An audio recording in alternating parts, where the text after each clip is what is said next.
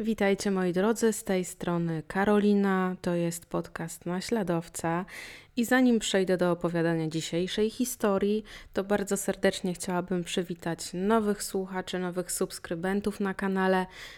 Dzień dobry, witajcie, bardzo miło jest mi Was tutaj gościć i jednocześnie chciałabym tylko tak napomknąć, że nie jestem perfekcyjna, robię błędy językowe, ale staram się, żeby to brzmiało perfekcyjnie, więc bardzo serdecznie proszę o wyrozumiałość w komentarzu. Jeśli ten błąd jakiś będzie bardzo rażący uszy, no to proszę o zwrócenie uwagi. Jest szansa, że sobie wezmę to do serca. Natomiast osoby, które są już ze mną od roku, dwóch lat, sześciu miesięcy, Witajcie, bardzo mi miło, że wracacie do tych historii, które Wam przedstawiam i cieszę się, że ze mną jesteście. W dzisiejszej historii odejdziemy sobie trochę od tematu seryjniaków, ponieważ mam wrażenie, że jakoś za dużo tych seryjnych zbrodni i zanim zacznę opowiadać historię, to posłużę się takim cytatem, który mam wrażenie, że bardzo, bardzo, bardzo dobrze oddaje mm, to, co dzisiaj będę Wam starała się przekazać. Otóż cytat ów brzmi: Niebo nie zna wściekłości takiej, jak miłość w nienawiść zmieniona, ni piekło nie zna furii takiej jak kobieta wzgardzona. I jest to cytat z Williama Congreve. A teraz opowiem Wam historię.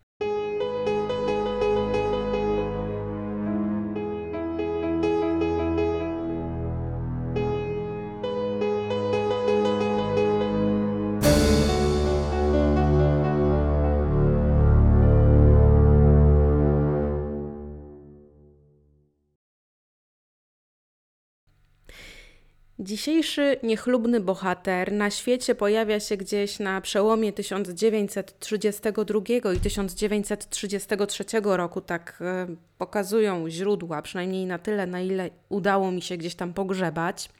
Swoje pierwsze kroki stawia w dzielnicy Nowego Jorku na Brooklynie.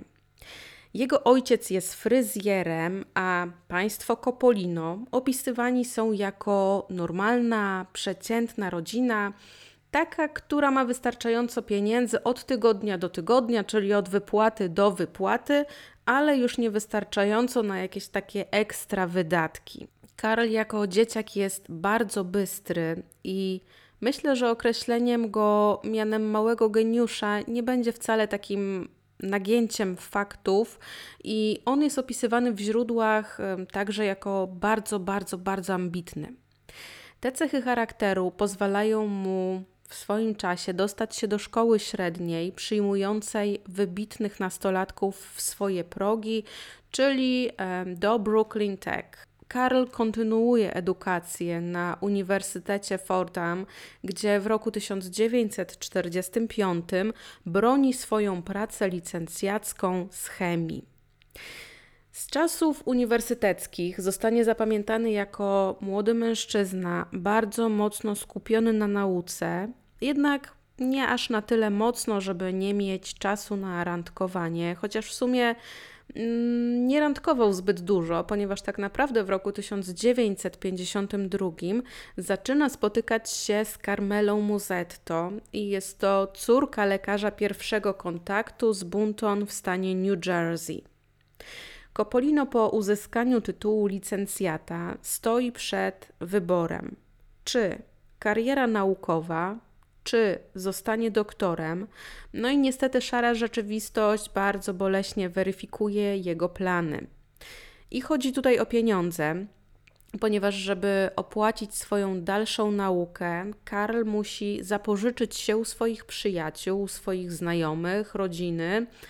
No i udaje mu się kontynuować tę naukę na Uniwersytecie Stanowym Nowego Jorku na Brooklynie.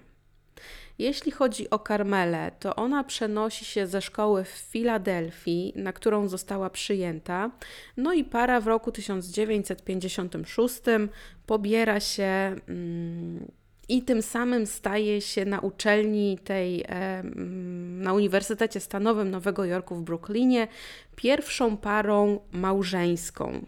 e, pierwszą parą małżeńską studiującą. O tak. Kiedy para studiuje czwarty rok, to Carmela rodzi córkę Monikę. Jeszcze zanim dziecko pojawiło się na świecie, para ma problemy finansowe, nie jakieś takie przesadnie duże, bo o ile Karl musiał się bardzo mocno starać, żeby mieć zawsze te dodatkowe fundusze, no to ojciec Karmeli był zawsze pod telefonem z książeczką czekową, jeśli tylko córka go potrzebowała.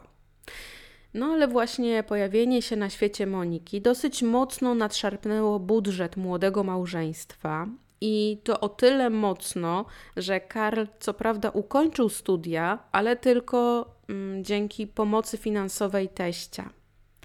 Po uzyskaniu tytułu doktora oboje odbywają staż w szpitalu metodystów na Brooklynie. W roku 1960 Karl zaczyna interesować się hipnoterapią i w branżowej gazecie publikuje na ten temat swój pierwszy artykuł.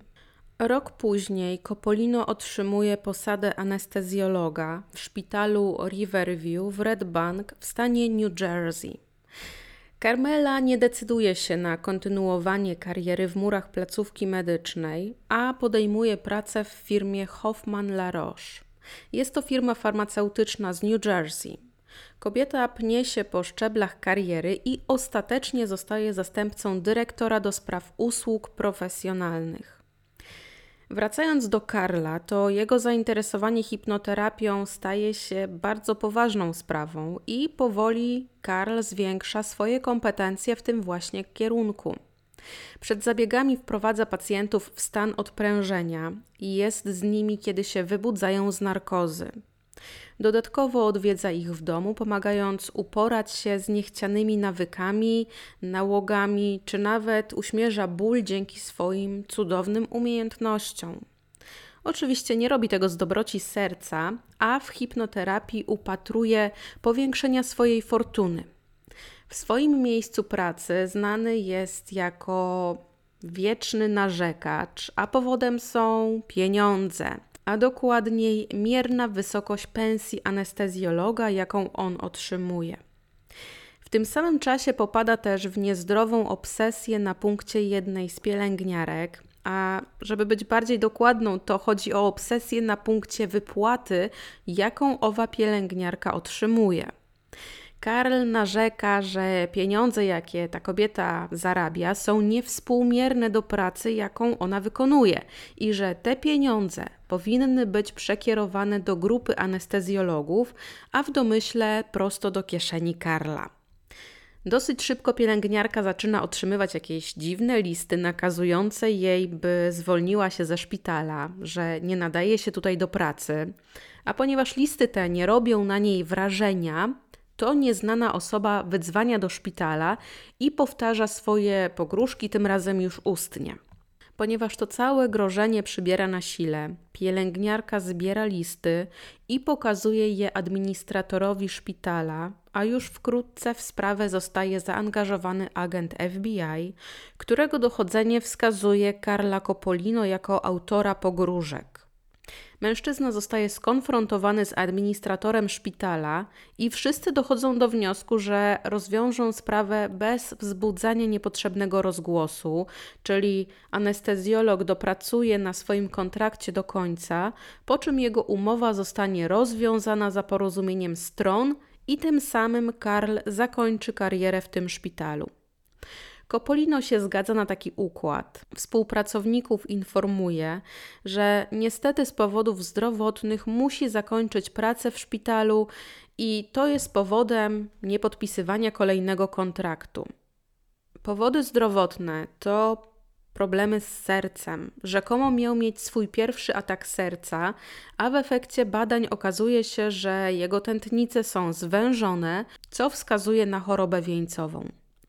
Dwa tygodnie po ataku Karl czas spędza w szpitalnym łóżku, po czym zawiesza praktykowanie medycyny i otrzymuje od ubezpieczyciela miesięcznie od według jednego źródła 1800 dolarów, a według innego źródła 1500 dolarów tytułem swojej e, niepełnosprawności. I tę niepełnosprawność biorę w cudzysłów, ponieważ jak się później okaże, doktorek faszerował się naparstnicą, która odpowiedzialna była za zaburzanie pracy jego serca. Carmela jest wtedy w drugiej ciąży, a w pracy zarabia 15 tysięcy dolarów, tak więc dzięki pensji żony oraz pieniądzom z ubezpieczalni, Karl nie ma parcia, żeby tutaj, teraz, jak najszybciej wracać na etat, skoro żyje sobie miesiąc w miesiąc jak pączek w maśle. Czas y, będzie później spędzał na pisaniu książek, i spod jego pióra wyjdą takie pozycje jak Get Slim oraz Stay Slim with Hypnosis oraz The Billion Dollar Hangover. Te trzy książki akurat pojawią się w latach między 1966 a 1967. Tak więc książki, które, które Karl tworzy, to są pozycje o pomocy hipnozy w anestezjologii oraz pozbyciu się ekstra nadprogramowych kilogramów także przy pomocy tejże właśnie hipnozy. Karl mieszka razem z rodziną w dzielnicy Middletown w New Jersey i wkrótce na świat przychodzi druga córka państwa Copolino, Lisa, a najszczęśliwsza na świecie Carmela wyprawia przyjęcie z okazji narodzin najmłodszej. Na owo przyjęcie zaprasza sąsiadów, a między nimi jest 48-letnia Marjorie Farber. Farberowie mieszkają po drugiej stronie ulicy.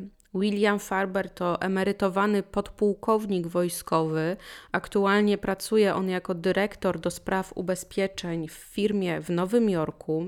Sąsiedzi mówią na niego po prostu pułkowniku, a na Marjorie Merch.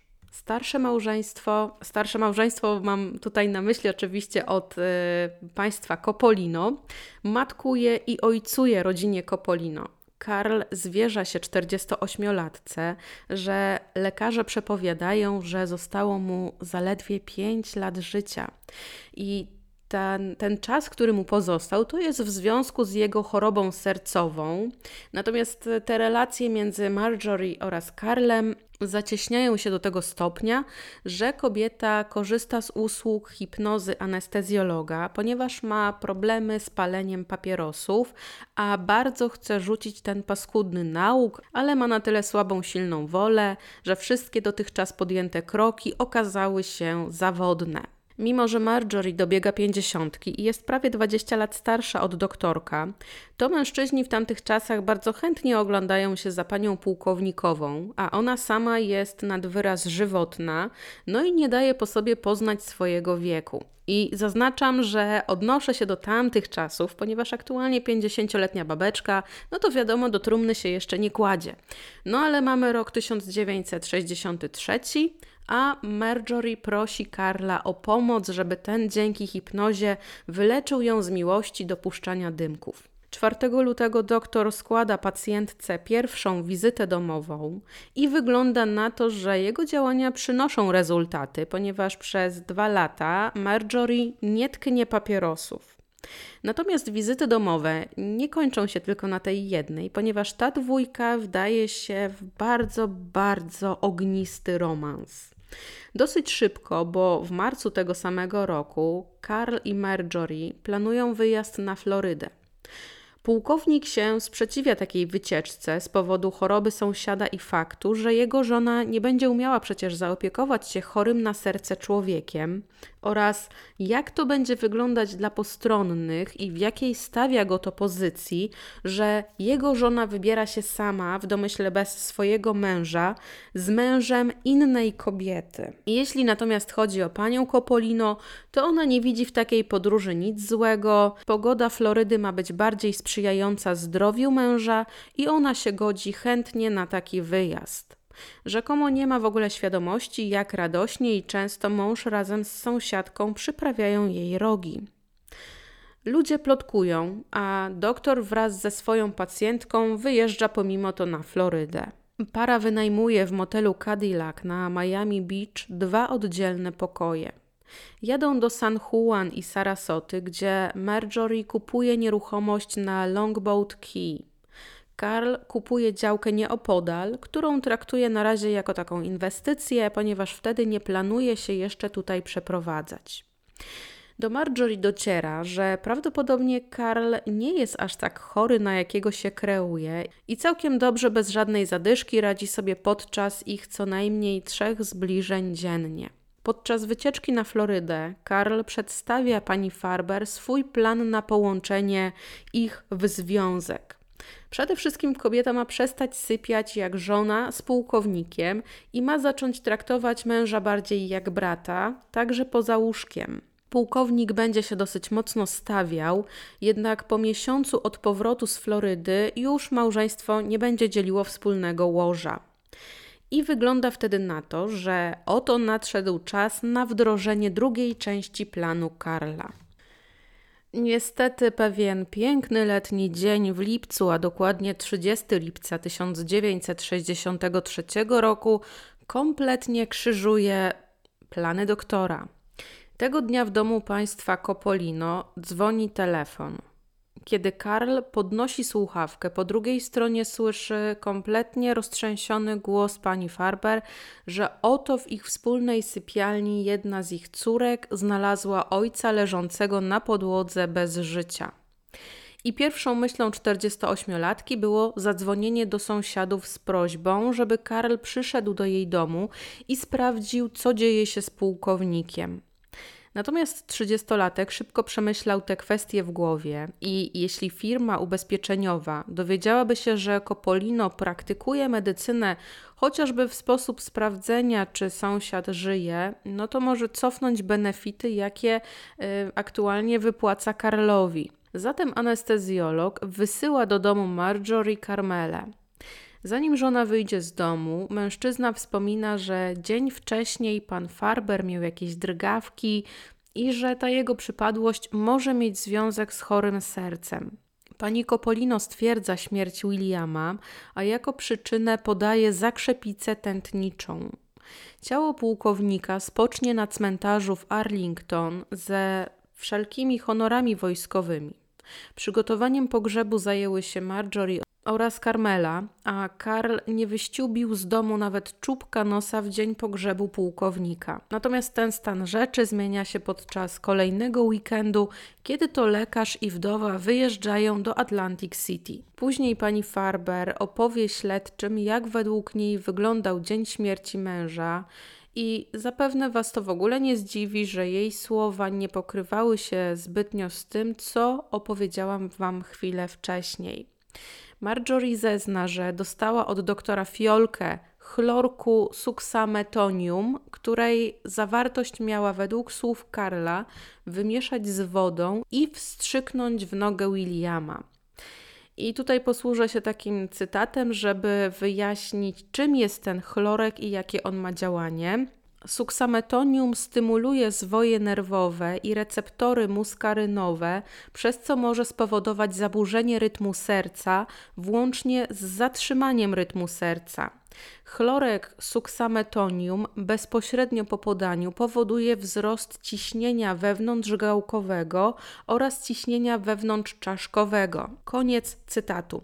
I jeśli chodzi o działanie, to chlorek ten ma podobne działanie zwiotczające do kurary i fakt, że anestezjolog ma taki ten chlorek suksametonium nie jest e, w ogóle zastanawiający, ponieważ było to jakby narzędzie jego pracy. Copolino przedstawi tutaj inną wersję, którą przytoczę Wam później. Natomiast e, Marjorie i anestezjolog mieli podpisać oświadczenie, którego treść brzmiała mniej więcej tak. Niniejszym zwalniam doktora Karla Copolino z wszelkiej odpowiedzialności za sprawę mojego męża, Williama Farbera, Pan Farber odmawia hospitalizacji, mimo że mógł mieć zawał serca, a doktor Copolino chce zostać zwolniony. Chodzi tutaj o zwolnienie z wszelkiej odpowiedzialności za ewentualną hospitalizację bądź niehospitalizowanie um, Williama Farbera i o pomoc albo brak pomocy w nagłym wypadku. E, nikt nie przeprowadził sekcji zwłok pułkownika, żeby dojść przyczyny śmierci wtedy, kiedy pułkownik umarł.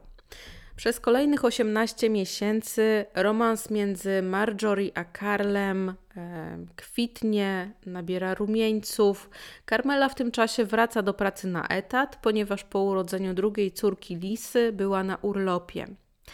Karl oprócz romansowania z sąsiadką skupia się na pisaniu książek, jednak romans z Marjorie po półtora roku staje się dla mężczyzny bardzo taki uciążliwy, jest niczym kula u nogi, ponieważ Marjorie za mocno na niego naciska, napiera, żeby mężczyzna wcielił drugą część planu w życie, żeby, żeby mogli być razem. Jesienią 1964 roku Karl przechodzi kolejny zawał serca i razem z Carmelą podejmują decyzję o przeprowadzce na Florydę. Tamtejszy klimat ma być dla Copolino lepszy, a poza tym doktor poczynił wcześniej w tamtym rejonie inwestycje, tak więc teraz jest wręcz idealny czas, żeby tam się pobudować. I tak oto w kwietniu 1965 roku małżeństwo sprzedaje swój dom w New Jersey i wyprowadza się. Mm, zapewne Was to w ogóle nie zdziwi, że Marjorie jest niepocieszona z takiego obrotu spraw. Mieszkając na Florydzie, Carmela podchodzi do egzaminu medycznego, który ma jej pozwolić na praktykowanie zawodu w nowym miejscu. Niestety tego egzaminu nie zdaje. Zostaje bez pracy, co jest bardzo poważnym uszczupleniem domowego budżetu. Firma ubezpieczeniowa kwestionuje też stan zdrowia Karla i zawiesza wypłatę świadczenia, a jakby tego było mało, zainwestowane przez małżeństwo pieniądze w nieruchomości przepadają. Karl zatem robi to, co w jego mniemaniu będzie najlepszą opcją, czyli wdaje się w romans z bogatą rozwódką, 38-letnią Mary Gibson i co więcej, obiecuje, że zostanie jej mężem numer dwa. Mary z poprzedniego małżeństwa ma dwójkę dzieci, a Karla poznaje na wspólnych lekcjach brydża, gdzie oni są swoimi partnerami tym momencie na horyzoncie pojawia się Marjorie Farber, której nieco więcej czasu zajęła sprzedaż nieruchomości w New Jersey. Kobieta osiada na Longboard Key w niedalekim sąsiedztwie państwa Copolino. Kiedy już wszyscy byli razem, niemożliwym było, żeby Marjorie nie wpadła kiedyś przypadkiem na doktora i jego nową miłość. Pani Farber wpada w szał, po czym kieruje swoje kroki do Carmeli, i opowiada jej o romansie Karla z Mary. Carmela wpada w szał. Karl, widząc, że no, mleko już się rozlało, żąda od swojej żony rozwodu. Natomiast pani Copolino, jako głęboko wierząca, praktykująca katoliczka, odmawia. Rozwodu nie będzie. 27 sierpnia wieczorem Karl przygotowuje dla siebie i żony wieczornego drinka. Carmela miała skarżyć się na bóle w klatce piersiowej, a drink miał pomóc jej się rozluźnić. Po wypiciu oboje poszli do swoich oddzielnych sypialni, co nie było niczym niezwykłym, już od jakiegoś czasu nie sypiali razem. 28 sierpnia Karl rano idzie do sypialni żony i tam zastaje Karmelę nieżywą. Mężczyzna niezwłocznie dzwoni do pani lekarz Juliette Carrow, a ona o 6 rano pojawia się w domu państwa Copolino. Zastaje Karmelę w jej sypialni w dosyć dziwnej, niespotykanej, niespodziewanej pozycji. Kobieta leży na prawym boku, na prawej ręce, która jest wyciągnięta wzdłuż jej ciała. Spodziewa się też, że ciało denatki będzie spuchnięte, jednak tutaj niespodzianka, próżno szukać jakiejkolwiek opuchlizny. Próżno też szukać jakichkolwiek plam opadowych, a dodatkowo sypialnia wydaje się upozowana, upozorowana na miejsce zbrodni. Pościel na łóżku Karmeli nie wygląda, jakby ktoś w niej w ogóle spał. W zasadzie to kołdra i poduszki są równiusieńko ułożone i nietknięte. Swoje spostrzeżenia lekarka zachowuje jednak dla siebie. Juliet stwierdza zgon, a jako przyczynę wpisuje okluzję tętnicy wieńcowej. Nikt nie zleca sekcji zwłok małżonki Karla, a jej ciało zostaje zabalsamowane jeszcze tego samego dnia w lokalnym domu pogrzebowym. Sąsiedzi oraz rodzina pani Copolino są wstrząśnięci nagłą śmiercią kobiety. Gibson, ojciec Carmeli, nigdy nie słyszał, żeby córka skarżyła się na jakiekolwiek problemy z sercem i nie wierzył, że cokolwiek związanego z sercem mogło być w ogóle przyczyną jej śmierci. Podczas rozmowy z teściem Karl powiedział, że problemy z sercem potwierdziła przeprowadzona sekcja zwłok. Ciało Carmeli spoczęło na cmentarzu w New Jersey w rodzinnym grobie. Karl nie pojawił się na pogrzebie, jak twierdził to z powodu ogromnego, przytłaczającego wręcz smutku. Marjorie rozmawia z Karlem i pyta, czy to on wyprawił żonę na tamten świat, jednak mężczyzna zaprzecza. 41 dni później smutny i przytłoczony Karl poślubia Mary Gibson. Przeprowadza się do domu żony numer dwa, a swój dom sprzedaje ojcu Carmeli. Jeden z sąsiadów doktora, kiedy dowiaduje się o ponownym ślubie, jest y, mocno zdziwiony, ale tylko i wyłącznie tym faktem, że do zaślubin doszło tak późno. Greg Thompson przytoczy później rozmowę z Karlem, podczas której ten drugi, zaledwie dzień po śmierci Carmeli, powiedział, że aktualnie najlepsza opcja dla niego to będzie po prostu ponowny ożenek. Kiedy Marjorie Farber dowiaduje się, jaki numer wywinął jej Karl, przyjmuje to bardzo źle. Bardzo źle. Ma dużo czasu, żeby rozmyślać nad tym, że mężczyzna, który obiecywał jej tak wiele, finalnie porzucił ją dla młodszej od niej kobiety, co dla Marjorie było niczym najbardziej siarczysty policzek. Kobieta opowiada znajomym, że jest ona w stu procentach pewna, że za śmiercią Carmeli stoi nie kto inny, jak jej własny mąż. Marjorie rozmyśla przez kilka tygodni nad swoim aktualnym położeniem, aż w końcu decyduje się oczyścić i spotyka z dr Juliet Carrow, żeby o wszystkim jej powiedzieć. Opowiada lekarce o tym, że wierzy, że Karl pozbawił życia żonę przy pomocy suksametonium. Opowiada o tym, jak te substancje wcześniej dostała od Karla, żeby wyprawić na tamten świat swojego męża. I opowiada, że dzięki hipnozie była pod wpływem Kopolino. W listopadzie Marjorie rozmawia z ludźmi z Departamentu Szeryfa Hrabstwa Sarasota i upiera się, że w śmierci Karmeli nie było nic naturalnego. Marjorie jest tak zacięta w tych swoich zeznaniach, że zwalnia swojego adwokata, kiedy ten mówi kobiecie, by przestała tyle mówić, bo obciąży się śmiercią pułkownika. W zeznaniach złożonych pod przysięgą Marjorie opowiada, że widziała jak Kopolino dusił jej męża poduszką, a przebieg zbrodni był następujący. Marjorie dostaje od Kopolino strzykawkę z substancją, którą ma wstrzyknąć w jakąś część ciała pułkownika. Kobieta się jednak waha i po wkłuciu nie wciska tłoka strzykawki do końca. Do akcji wkracza lekarz i przy pomocy worka foliowego zaczyna dusić pana Farbera. Mężczyźni się chwilę szamoczą, a pułkownikowi udaje się wyswobodzić z uścisku Karla. Starszy z mężczyzn nakazuje młodszemu wyjść z jego domu i Kopolino, jak się wszystkim wydaje, wychodzi, ale jedynie do sąsiedniego pomieszczenia po poduszkę, po czym wraca i kończy życie Farbera.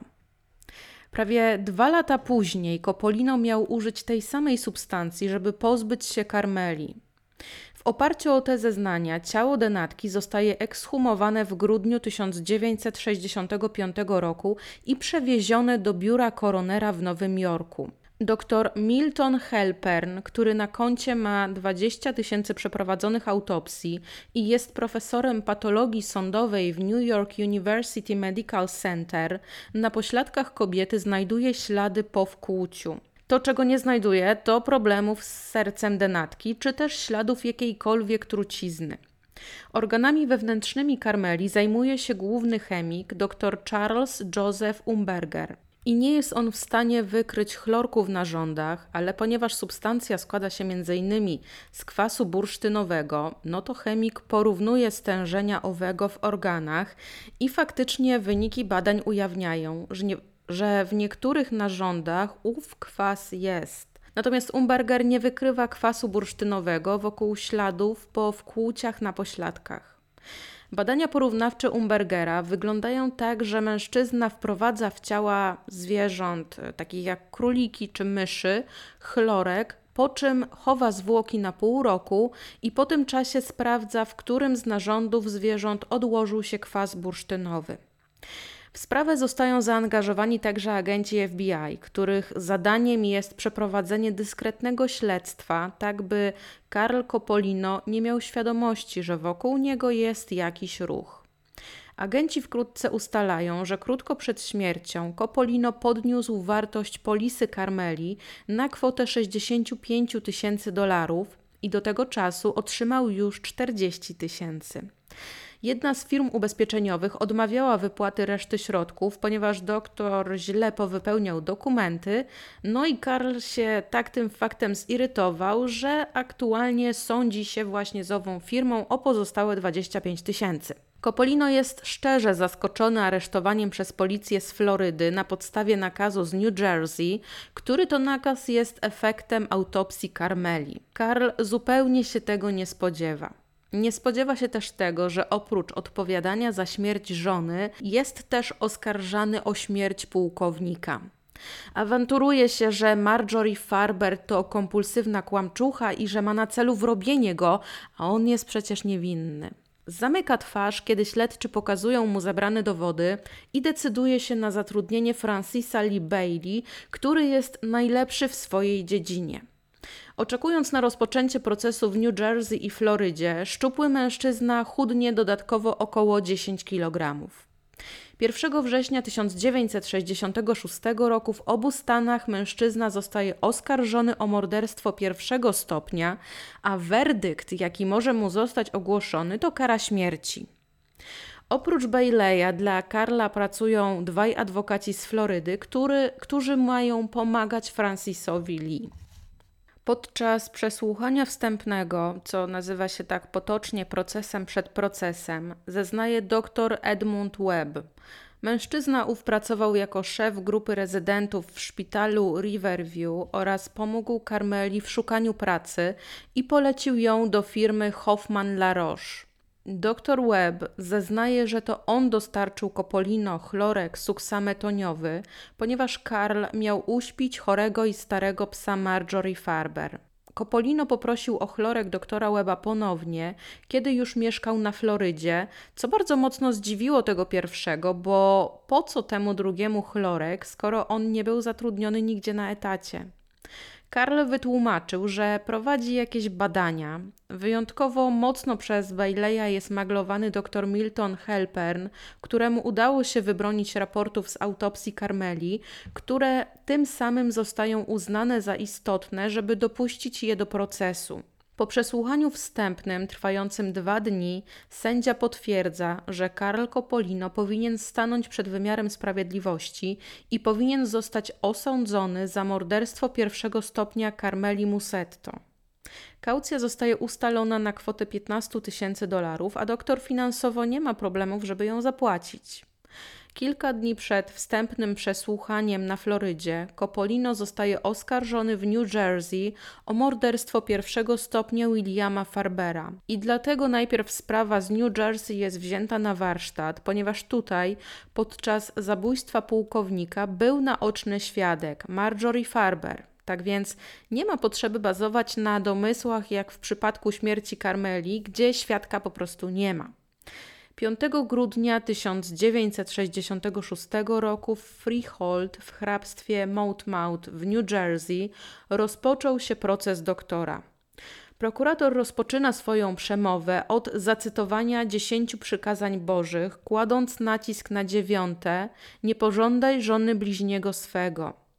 Według dalszych słów oskarżyciela, Kopolino pozbawił życia pułkownika, by łatwiej było mu kontynuować ognisty romans z Marjorie Farber. Jednak po przeprowadzce z rodziną na Florydzie poznał Mary Gibson, dla której odrzucił zarówno swoją żonę, jak i 48-letnią Marjorie. Ponieważ Carmela nie zgodziłaby się na rozwód z powodu bycia żarliwą katoliczką, to Copolino zdecydował, że jedynym sensownym rozwiązaniem było pozbawienie życia żony i zgarnięcie tysięcy z jej ubezpieczenia na życie. Jeśli chodzi o Marjorie, to ona poszła na układ z prokuratorem i w zamian za jej zeznania nie była sądzona w sprawie śmierci męża. Pani Farber zeznaje, że od pierwszej sesji hipnozy była pod seksualnym wpływem doktora. Kobieta zeznaje, że to właśnie Karl zasugerował jej, żeby wstrzyknęła mężowi chlorek, jednak mimo próby nie udało jej się tego zrobić. Marjorie trzymała jednak ramię pułkownika, kiedy Copolino aplikował ofierze substancję, która jednak nie zadziałała od razu. Tak więc doktor energicznie przystąpił do duszenia Williama, na co jego żona po prostu patrzyła. Potem Marjorie pomogła Karlowi ułożyć zwłoki pułkownika i napisała kartkę, że ojciec śpi i żeby córki nie pukały do jego sypialni. Idąc dalej, Kopolino zmusił swoją żonę do wypisania aktu zgonu, jako że on nie mógł praktykować medycyny i zasugerował, że powodem śmierci starszego mężczyzny jest zawał serca. Marjorie zeznała, że doktor na pewno użył tego samego specyfiku, żeby pozbyć się także Karmeli. Dlaczego Marjorie nie próbowała w ogóle ratować męża? Ponieważ była pod hipnotycznym wpływem anestezjologa. Natomiast kiedy miał on zasiać tę myśl w jej głowie, żeby nie ratować Williama, tutaj konkretnej daty pani Farber nie była w stanie wskazać. Chęć zeznawania przeciwko Polino w sercu Marjorie miała nie pojawić się dlatego, że chciała się oczyścić, a dlatego, że Karl, wybierając młodszą Mary Gibson, wzgardził tą starszą kobietą. Marjorie zaprzeczyła. I jako powód podaje obawę o to, że kolejną ofiarą Karla mogła zostać jego żona numer dwa, no i dlatego właśnie zdecydowała się oczyścić. Także ciało pułkownika zostało ekshumowane i poddane autopsji przez doktora Helperna. Patolog stwierdził, że nie znalazł żadnych dowodów, żadnych symptomów, żeby William chorował na serce. Natomiast to, co znalazł, to pękniętą chrząstkę pierścieniowatą. I zazwyczaj, jeśli chodzi o duszenie, to słyszymy dużo o kości gnykowej. Natomiast w przypadku pułkownika pęknięta była właśnie owa chrząstka pierścieniowata, co oznaczało tylko jedno, że William Farber został uduszony. Dr Helpern wysnuł tezę, że między innymi przyczyną śmierci było właśnie pęknięcie owej chrząstki. Bailey jeszcze dopytuje, czy jest możliwym, że obrażenie powstało po śmierci pułkownika, ale patolog zaprzecza. Chrząstka nie została uszkodzona po śmierci, a pułkownik nie miał żadnych obrażeń, np. od łopaty na szyi, nie miał też żadnych siniaków. Na korzyść Kopolino zeznawało dwóch lekarzy. Jeden lekarz sądowy z Filadelfii oraz drugi lekarz sądowy z Bostonu, obaj powołani przez obronę. Zeznali oni, że w wewnętrznych warstwach ścian naczyń tętniczych pułkownika odkładały się blaszki miażdżycowe, co potwierdza teorię, że William zmarł z powodu zawału serca. Jeśli zaś chodzi o pęknięcie chrząstki pierścieniowatej, owo uszkodzenie miało nastąpić po śmierci, ponieważ otaczające tkanki nie miały żadnych oznaków krwotoku wewnętrznego. Zaznaje także dyrektor domu pogrzebowego, który opowiada, że nie widział, żeby ktokolwiek uderzył zwłoki pułkownika łopatą w szyję i uszkodził chrząstkę, ale potwierdził, że brak skóry na głowie zwłok był efektem dosyć nieostrożnego obchodzenia się pracowników z ciałem. Powołani specjaliści od hipnozy zaprzeczają, żeby ktokolwiek mógł pozostać dni czy tygodnie w transie i być zmuszonym do pomocy w zbrodni. Wreszcie przychodzi ten czas na zeznania samego oskarżonego. Według Karla ostatni dzień życia pułkownika wyglądał następująco. Marjorie dzwoni do niego o godzinie 3.30 rano i roztrzęsionym głosem prosi go, żeby przyszedł do jej domu i sprawdził, co się dzieje z Williamem. Kiedy Karl przychodzi, widzi pułkownika słabego, bladego, stojącego w łazience. Widzi, że mężczyzna ma ogromne problemy z oddychaniem. Namawia starszego mężczyznę, żeby ten pojechał do szpitala, jednak pułkownik odmawia. Kopolino podaje choremu leki, które mają złagodzić ból i duszności. Podaje też leki uspokajające i ponownie namawia Williama, żeby udał się do szpitala. Tutaj do rozmowy włącza się Marjorie i popiera decyzję swojego męża o zostaniu w domu. Kopolino wraca do domu sąsiadów około 10.30 rano i ponownie bada pułkownika. Mężczyzna ma niskie ciśnienie, a jego serce bije dosyć nieregularnie. Znowu odmawia hospitalizacji, więc Karl mówi Marjorie, żeby ta poszła do jego domu i podpisała oświadczenie, którego treść już wam wcześniej przytaczałam. Około godziny 18.30 Marjorie ponownie dzwoni do państwa Copolino i mówi, że jej mąż nie żyje. Carmela w akcie zgonu wypisuje godzinę 16 jako godzinę śmierci Williama Farbera. Karl potwierdza, że jego żona nie chciała go narazić na utratę comiesięcznej wypłaty świadczenia od ubezpieczyciela, dlatego to właśnie ona podpisała akt zgonu. Kopolino potwierdza, że nabył chlorek, żeby uśpić psa farberów, ale ostatecznie tego nie zrobił, nie skorzystał z substancji ani nie przekazał jej Marjorie Farber. Ławnicy naradzają się przez cztery godziny, po czym wracają na salę sądową z werdyktem. Karl Copolino jest winnym morderstwa pierwszego stopnia dokonanego na Williamie Farberze. Jeśli chodzi o proces na Florydzie w sprawie morderstwa Carmeli, tutaj Marjorie także zeznawała i opowiadała o swoim romansie z doktorem, o wyjazdach na Florydę, do San Juan i Atlantic City. Opowiadała o tym, jak przyłapała Mary Gibson z Karlem i jak poinformowała niezwłocznie o tym fakcie Carmele. Karl nie zeznaje w tym procesie, choć Bailey doradzał klientowi właśnie coś innego. Planował wyjaśnić nakłucia od igieł na pośladkach kobiety wstrzykiwaniem sobie witaminy B12. Ojciec Karmeli opowiada o tym, jak to stał się bardziej podejrzliwym, kiedy zięć oszukał go w kwestii sekcji zwłok, ponieważ Karl powiedział um, ojcu Karmeli, że sekcja się odbyła, kiedy tak naprawdę tej sekcji jeszcze wtedy nie było. Powołani lekarze potwierdzili, że przyczyną śmierci Karmeli było dostarczenie do organizmu ofiary chlorku suksametoniowego. 27 kwietnia 1967 roku po godzinie od rozpoczęcia obrad ławnicy dostarczyli sędziemu werdykt w sprawie. 12 osób jak jeden mąż uznało, że Karl Copolino jest winnym morderstwa drugiego stopnia, a za czyn ten otrzymuje 20 lat pozbawienia wolności. Werdykt brzmi trochę dziwacznie i zgromadzeni na sali sądowej nie kryją swojego zaskoczenia, ponieważ jeśli mężczyzna do pozbawienia życia żony użył strzykawki, no to jest to ewidentnie premedytacja. Kopolino w więzieniu stanowym na Florydzie spędza lat 12, a 12 września 1979 roku zostaje zwolniony za dobre zachowanie. Odkąd tylko zaczął odsiadywać wyrok, pisał apelacje, jednak były one skutecznie odrzucane. A co więcej, Sąd Najwyższy Florydy utrzymał w mocy wyrok sądu niższej instancji.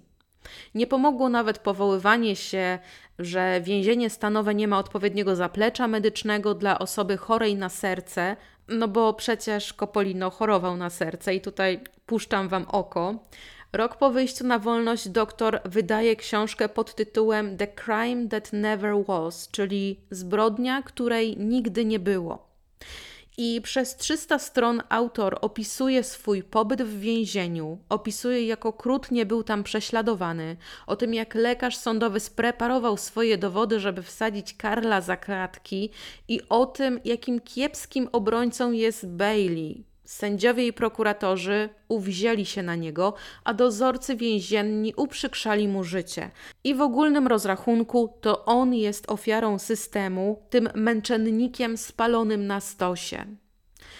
Jeśli chodzi o Karla, to Karl zmarł całkiem niedawno, bo 23 kwietnia 2017 roku i dożył lat 84. Marjorie Farber zmarła 9 lipca 2007 roku w wieku lat 93. Po zakończonym procesie na Florydzie, Francis Lee Bailey zrobił sobie takie malutkie tournée po telewizyjnych talk showach i głośno wyrażał swoje niezadowolenie z powodu absurdalności werdyktu wydanego dla jego klienta. Pomyślałam sobie, że ciekawym zabiegiem będzie poruszenie kolejnej sprawy e, Francisa Lee Bailey, zwłaszcza, że poprzednia sprawa była tą, w którą Francis się bardzo mocno zaangażował, w zasadzie to poprzednie dwie. Chciałam Was też przeprosić za tę długą, bo trzytygodniową przerwę między tym podcastem a poprzednim, ale po prostu przyplątało się do mnie jakieś choróbsko i też jeśli tutaj gdzieś tam wcześniej yy, będzie taki moment, że będę trochę harczała, to proszę o wybaczenie, po prostu jeszcze zmagam się z jakimś dziadostwem, co się do mnie przykleiło. Myślę też, że będę wrzucać e, przez najbliższy czas takie dłuższe historie co 2-3 tygodnie, bo jednak stwierdziłam, że chyba lepiej czuję się w tych dłuższych formach, takich plus godzina, plus dwie godziny, mimo że ten podcast nie będzie trwał nawet godziny. E, no ale tak po prostu sobie na razie postanowiłam, to też jest taki mój mały detoks od historii true crime'owych, bo nie ukrywam, że trochę ostatnio mnie to wszystko przytłoczyło może za dużo seryjniaków sobie wzięłam na głowę i raczej powinnam się skupić gdzieś na jakichś historiach zaginięć, ale jeśli mam być szczera, to chyba jednak zaginięcia nie są dla mnie tak bardzo mm, pasjonujące jak historie y, seryjniaków. Nie przedłużając i nie smęcąc, y, Dziękuję Wam bardzo za wysłuchanie dzisiejszej historii. Dziękuję moim wspierającym, którzy dorzucają dodatkowy pieniążek na to, żeby mój podcast i ten kanał się rozwijał. Dziękuję każdemu też, kto angażuje się w rozwój tego kanału, czy też czy to przez komentarze, czy to przez subskrybowanie, czy też przez lajkowanie materiałów. YouTube niestety nie lubi takich nieregularnych e, dodawaczy, jakim ostatnio jestem. Tak więc y, prawdopodobnie gdzieś tam materiał może być zakopany. Dobra, nieważne. Dziękuję Wam serdecznie. Do usłyszenia następnym razem. Jeszcze nie wiem, o czym będzie kolejna historia, chociaż gdzieś tam oglądam sobie serial, który być może zainspiruje mnie do stworzenia e, właśnie takiej kolejnej opowieści dłuższej. Pozdrawiam, dziękuję, trzymajcie się, pijcie dużo wody i do usłyszenia. Pa pa!